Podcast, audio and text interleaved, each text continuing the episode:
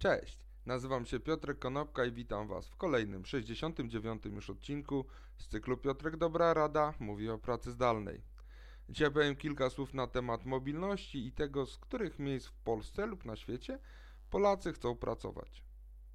Do niedawna miałem poczucie, że Polacy to jest bardzo mało mobilny naród i jeżeli już się przeprowadzą do jakiegoś miasta, na przykład w trakcie studiów, to już w tym mieście zostają na stałe i zmiana miejsca pracy i miejsca życia jest dla nich bardzo trudną decyzją.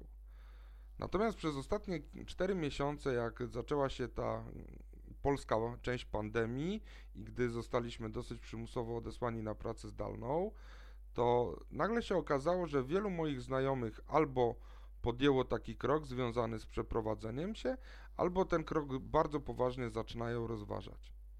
Jeden z moich znajomych na samym początku pandemii przeprowadził się na Dolny Śląsk i swoją firmą, które, y, która ma siedzibę zarówno w Warszawie, jak i w Gdańsku, zarządza zdalnie i nie widać po jego zdjęciach na Instagramie, żeby mu to za bardzo przeszkadzało.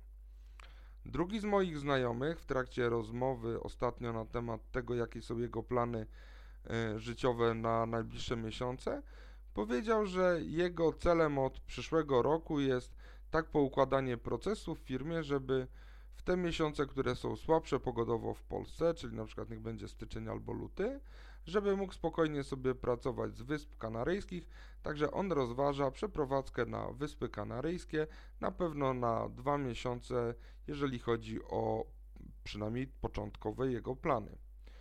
Inna z moich koleżanek, która mieszka nad morzem, czyli jest to osoba, która nie powinna narzekać na nieatrakcyjność miejsca, w którym mieszka, również doszła do wniosku, że lepszy jest klimat bardziej słoneczny i w związku z tym także rozgląda się za tym, aby przeprowadzić się w rejon Wysp Kanaryjskich. Kolejna z moich koleżanek zastanawia się nad tym, czy nie przeprowadzić się do Portugalii. Będzie to właśnie związane z możliwością prowadzenia firmy zdalnie i powiedziała, że najwyżej raz w miesiącu na podpisanie jakichś dokumentów, które będą potrzebne na przykład do Urzędu Skarbowego, to będzie przyjeżdżała właśnie do Polski raz w miesiącu na jeden albo dwa dni. Ja z kolei ze swojego domu pod Warszawą przeprowadziłem się e, na początku maja, czyli po dwóch miesiącach pandemii, przeprowadziłem się z powrotem do Kielc na jakiś czas, tak żeby pomieszkać razem z rodzicami i pomóc im w życiu codziennym tutaj w związku z pandemią. Także można dostrzec, że pandemia i koronawirus i to odosobnienie i możliwość pracy zdalnej spowodowała, że mobilność ludzi wzrosła. Przynajmniej to są moje odczucia, jeżeli chodzi o rozmowy z moimi znajomymi. A jak jest w Waszym wypadku? Dajcie znać w komentarzach.